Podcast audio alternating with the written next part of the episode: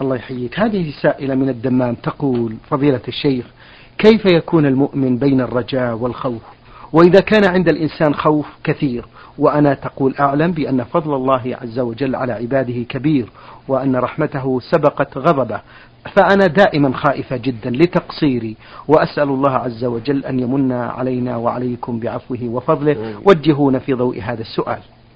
الحمد لله رب العالمين وأصلي وأسلم على نبينا محمد خاتم النبيين وإمام المتقين وعلى آله وأصحابه ومن تبعهم بإحسان إلى يوم الدين. المؤمن يجب أن يسير إلى الله تبارك وتعالى بين الخوف والرجاء كجناحي طائر. قال الإمام أحمد رحمه الله ينبغي أن يكون خوفه ورجاؤه واحدا. فأيهما غلب هلك صاحبه. فالإنسان إذا رأى ذنوبه وما حصل منه من التقصير في حقوق الله عز وجل وحقوق, وحقوق العباد خاف. وإذا رأى وإذا تأمل فضل الله تعالى وسعة رحمته وعفوه طمع ورجع. وعليه فينبغي أن يكون خوفه ورجاؤه واحدا. لأنه إن غلب عليه الرجاء يخشى عليه من الأمن من مكر الله. وإن غلب عليه الخوف خشي عليه أن يقنط من رحمة الله. وكلاهما محذور. إن وقد قال الله تعالى عن أوليائه وأنبيائه إنهم كانوا يسارعون في الخيرات ويدعوننا رغبا ورهبا وكانوا لنا خاشعين ومن العلماء من قال إن فعل الطاعات فليغلب جانب الرجاء والقبول وأن الله تعالى لا يضيع أجر من أحسن عملا. وإن خاف من فعل المحرمات غلب الخوف وخاف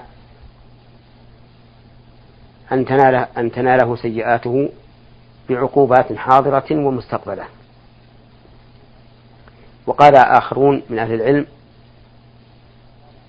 ينبغي في في حال الصحة أن يغلب جانب الخوف ليحمله ذلك على فعل الواجبات وترك المحرمات. وفي حال المرض المدنف الذي يخشى أن يلاقي ربه به يغلب جانب الرجاء من أجل أن يموت وهو يحسن الظن بالله عز وجل. وعلى كل حال يجب على الإنسان أن لا يستولي عليه الخوف حتى يقنط من رحمة الله أو الرجاء حتى يأمن من مكر الله وليكن سائرا إلى ربه بين هذا وهذا. جزاكم الله خيرا فضيلة الشيخ. هذا سائل للبرنامج يقول في هذا السؤال فضيلة الشيخ آه، أود أن أعرف القول الراجح في مسألة القصر بالنسبة لطلاب الجامعة الوافدين إلى المملكة. وبعد كل عام يسافرون إلى بلادهم في الإجازة ثم يعودون وهكذا حتى تنتهي مدة الدراسة. علما بأننا نسمع من بعض العلماء بأنهم يقولون عليهم القصر بينما البعض من العلماء الآخرين لا يرى هذا. أفتونا فضيلة الشيخ محمد في هذا الأمر. جزاكم الله خيرا. هذه المسألة من المسائل الخلافية. أعني هل تحدد مدة السفر في الإقامة التي تمنع الترخص برخص السفر أو لا تحدد. وفيها خلاف بين أهل العلم. يزيد على عشرين قولا. والمرجع في الخلاف كتاب الله وسنة رسوله صلى الله عليه وعلى آله وسلم. والذي نرى في هذه المسألة أن الإنسان ما دام لم يستوطن البلد أو يعزم على الإقامة المطلقة فإنه مسافر ولو طالت مدته. لأنه لم يتخذ هذا البلد وطنا ولم ينوي الإقامة فيه إقامة مطلقة وإنما نوى إقامة مقيدة إما بزمن وإما بعمل. فالمقيدة بزمن مثل أن يقول إنه سيبقى في هذا البلد لمدة عشرة أيام عشرين يوما شهرا شهرين. هذه مقيدة بزمن. والمقيدة بعمل مثل أن يقول سأبقى في هذا البلد حتى ينتهي موسم التجارة وهو لا يدري متى ينتهي. أو سأقيم في هذا البلد. ما دام هذا العالم فيها يدرس أو يقول سأبقى في هذا البلد ما دمت أتلقى العلاج. أو ما أشبه ذلك. هذا أيضا قد حدد قد حدد إقامته بعمل. فالمسألة الثانية أعني تحديد الإقامة بالعمل نص الفقهاء كلهم على أنه ما دام لم يعزم إقامة مطلقة فإنه له أن يقصر الصلاة وهو موجود في مختصرات المتون ومطولاتها. وأنه يقصر ولو بقي سنين. يقصر أبدا. فلو فرض أنه أقام للعلاج وطال علاجه سنوات. فله أن يقصر. لأنه لم ينوي إقامة مطلقة إنما نوى إقامة مقيدة بهذا العمل أو بهذا الغرض. وكذلك لو أقام ما دام هذا العالم موجودا وعمر العالم خمسين سنة أو ستين سنة فإنه يقصر. بقينا بالإقامة المحددة بمدة. من العلماء من ألحقها بالإقامة المحددة بعمل ومنهم من لم يلحقها ثم الذين لم يلحقوها. بعضهم قال الإقامة ما زاد على أربعة أيام. فمتى نوى إقامة أكثر من أربعة أيام وجب عليه الإتمام ولم يترخص برخص السفر. ومع ذلك لم يعطوه حكم المقيم أو المستوطن بل قالوا إنه لا تنعقد به الجمعة ولا يصح أن يكون إماما فيها لأنه غير مستوطن. ومن العلماء من قيد ذلك بأربعة أيام زائدة عن يوم الوصول ويوم المغادرة. ومن العلماء من قيد ذلك بخمسة عشر يوما.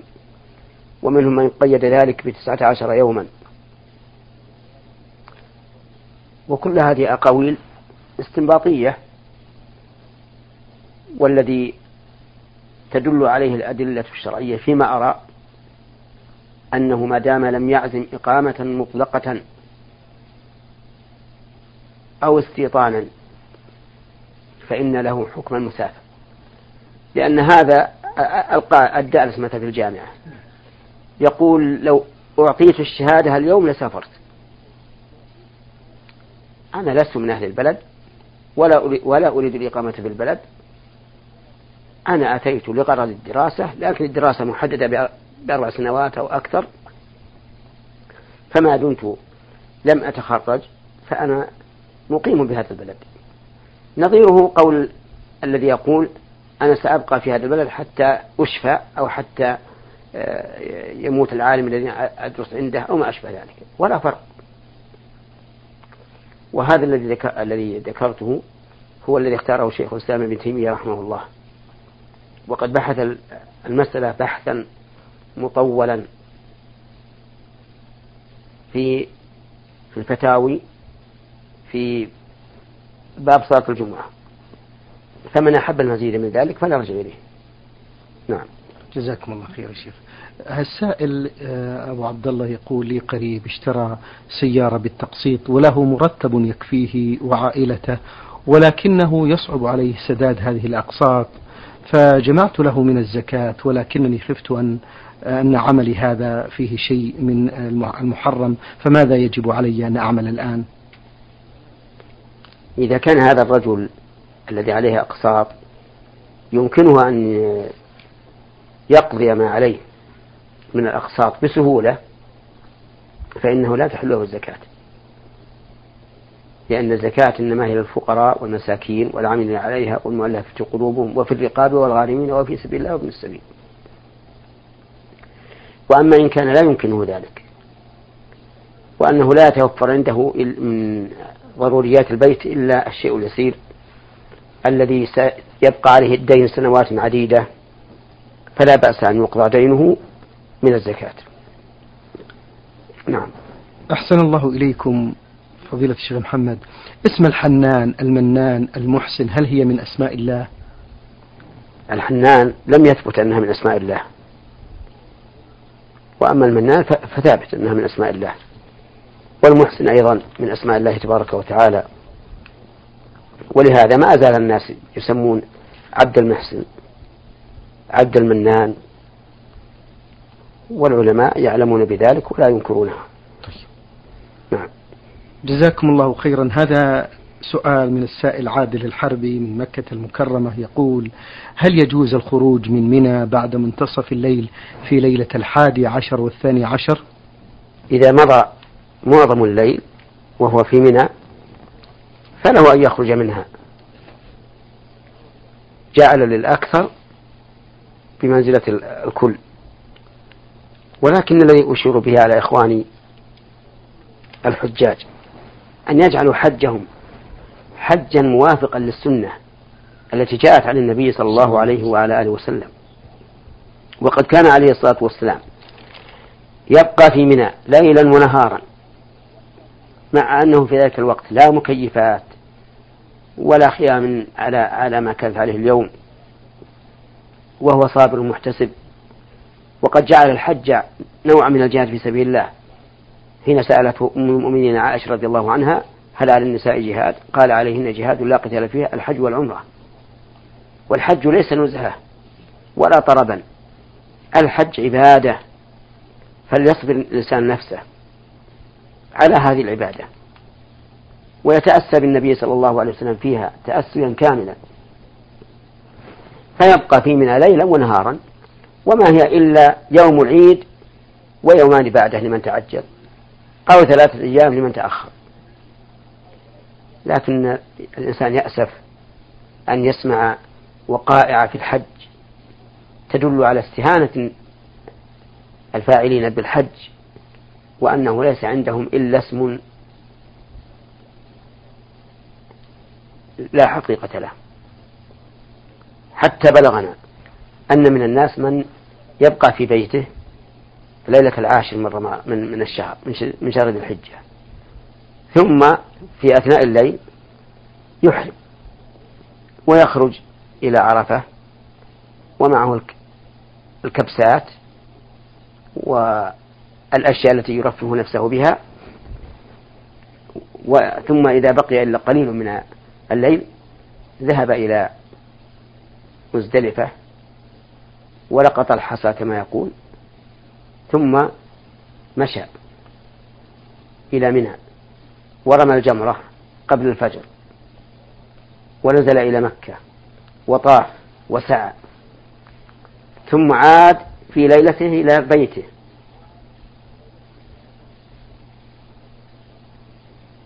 مع أهله. ثم منهم من يخرج في النهار إلى منى ليرمي الجمرات ومنهم من يوكل أيضا. هل هذا حج؟ هذا تلاعب. وإن كان على قاعدة الفقهاء قد يكون مجزيا لكن كلام أين العبادة؟ رجل يذهب يتنزه بعض ليلة ثم يرجع إلى أهله ويقال أنه حج. وهذا والله مما يحز في النفس ويجمي القلب أن يصل الحد إلى هذا في إقامة هذه الشعيرة العظيمة. نسأل الله لنا ولهم الهداية. اللهم آمين. أحسن الله إليكم فضيلة الشيخ. السائل عبد العزيز الحميدي له هذا السؤال يقول ما حكم كشف المرأة لزوج جدتها أم والدها؟ لا حرج عليها أن تكشف وجهها لزوج جدتها. وذلك أن الإنسان إذا تزوج امرأة صار محرما لأبنائها وبناتها ومن تفرع منهم. يعني صار محرما لفرعها إلى يوم القيامة. سواء كان من أبناء سواء سواء كانت المرأة من بنات الأبناء أو من بنات البنات. بارك الله فيكم. السائل عبد العزيز يقول في هذا السؤال جدتي كبيرة في السن وربما أتعبها الوقوف في الصلاة فتصلي النافلة وهي جالسة على الكرسي.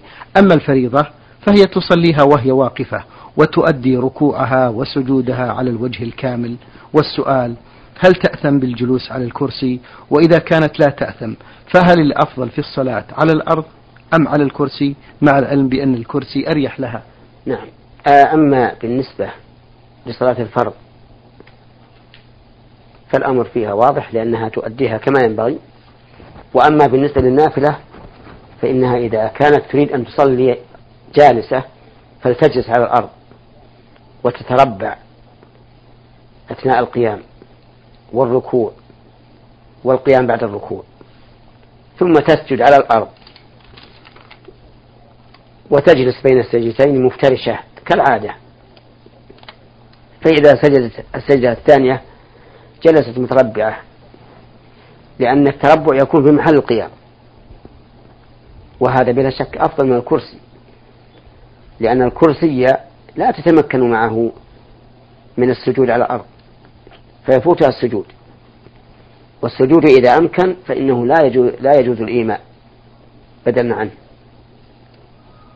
ف وعلى هذا فنقول هذه الجدة إذا أرادت أن تتطوع في النافلة الصلاة فلتكن على الأرض وتعمل كما قلنا. تتربع في محل القيام قبل الركوع وفي حال الركوع وفي حال القيام بعد الركوع وتفترش في الجلسة بين السجدتين وفي التشهدين وتسجد على الأرض. نعم. أحسن الله إليكم شيخ محمد. السائلة راء عين صاد تقول أريد الاستفسار عن صلاة الاستخارة. إيش؟ أريد الاستفسار عن صلاة الاستخارة وعن كيفيتها ووقت الدعاء الوارد في صلاة الاستخارة مأجورين. نعم. صلاة الاستخارة مسنونة إذا تردد الإنسان في الأمر لأنه لا يعلم العاقبة. فيكل الأمر إلى الله عز وجل. وصفتها أن يصلي الإنسان ركعتين من غير الفريضة. فإذا سلم دعا بدعاء الاستخارة المعروف. ثم إذا قدر له أن يكون الشيء فهذا دليل على أن الله تعالى اختار له أن يكون. وإذا صرف عنه بأي نوع من الصوارف دل على أن الله تعالى اختار له ألا يكون.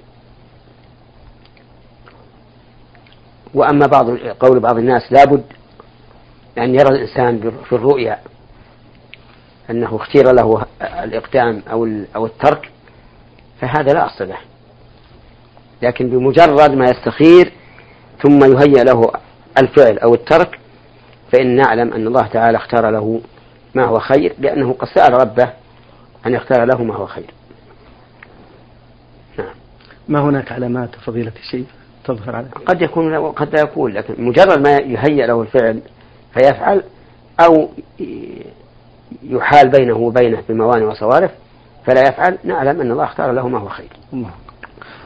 جزاكم الله خيرا من فضيلة الشيخ محمد. السائلة تقول علمت من قول الرسول صلى الله عليه وسلم لعن الله النامصة والمتنمصة فما رأيكم في التخفيف البسيط للحاجبين حيث لا يغير من شكلهما حيث أنهما كثيفين أفيدوني مأجورين. آه، النمص هو النتف نتف شعر الوجه. الحاجبين والأهداب و... وما أشبه ذلك. وأما التخفيف من الحاجبين فإن كان غليظين غلظا غير معتاد فلا حرج. وإن كان غليظين غلظا معتادا فالأولى إبقاؤهما على ما كان عليه. نعم. السائلة من الأردن تقول نعم ولا بأس بتخفيفهما يعني بالمقص أو الموس أو ما أشبه ذلك. لا لا بالنتف. لأن النتف نمص جزاكم الله خير يا شيخ. هذا سائل للبرنامج يقول إذا كان أولادي يهتمون بالرياضة كثيرا هل أنهرهم؟ وماذا يجب علي تجاههم؟ الذي ينبغي للعاقل ألا يفني أوقاته وشبابه في مثل هذه الأمور. لكن إذا فعل الرياضة أحيانا تنشيطا لعضلاته وترويحا عن نفسه فلا بأس. نعم. أحسن الله إليكم. يقول هذا السائل إذا اغتسل المسلم للجنابة قبيل فجر الجمعة أو بعده. هل يكفي هذا لغسل الجمعة يا شيخ؟ أما ما كان قبل الفجر فلا يكفي لأنه ما دخل اليوم. وأما بعد الفجر فيكفي لكن الأفضل أن يعيده بعد طلوع الشمس حتى يتأكد أنه حصل في يوم الجمعة. ثم إن العلماء رحمهم الله قالوا إن الأفضل أن يكون الاغتسال عند المضي إلى الصلاة. فمثلا إذا قدرنا أنه يذهب إلى الصلاة قبل الزوال بساعتين فإنه يغتسل في ذلك الوقت. ووجه ذلك أنه إذا تطهر عند المضي صار أبلغ وأضمن من أن يحصل له وسخ بعد ذلك. نعم. جزاكم الله عنا وعن المسلمين خير الجزاء. ما ضابط التوسل المشروع شيخ محمد؟ وما حكم من يتبركون بالصالحين بحجة أن الصحابة يتبركون بشعر الرسول صلى الله عليه وسلم؟ التوسل المشروع أنواع. منها أن يتوسل إلى الله تعالى بأسمائه وصفاته فيقول يا غفور اغفر لي أو يقول يا ذا المغفرة والرحمة اغفر لي. أو يقول اللهم برحمتك أستغيث أو ما أشبه ذلك. ومن التوسل المشروع أن يتوسل إلى الله تعالى بأفعاله مثل ما جاء في التشهد اللهم صل على محمد وعلى آل محمد كما صليت على إبراهيم وعلى آل إبراهيم. فهذا توسل إلى الله تعالى بأفعاله التي من بها على من شاء من عباده فيما سبق. ومن التوسل المشروع أن يتوسل إلى الله تعالى بالإيمان والعمل الصالح.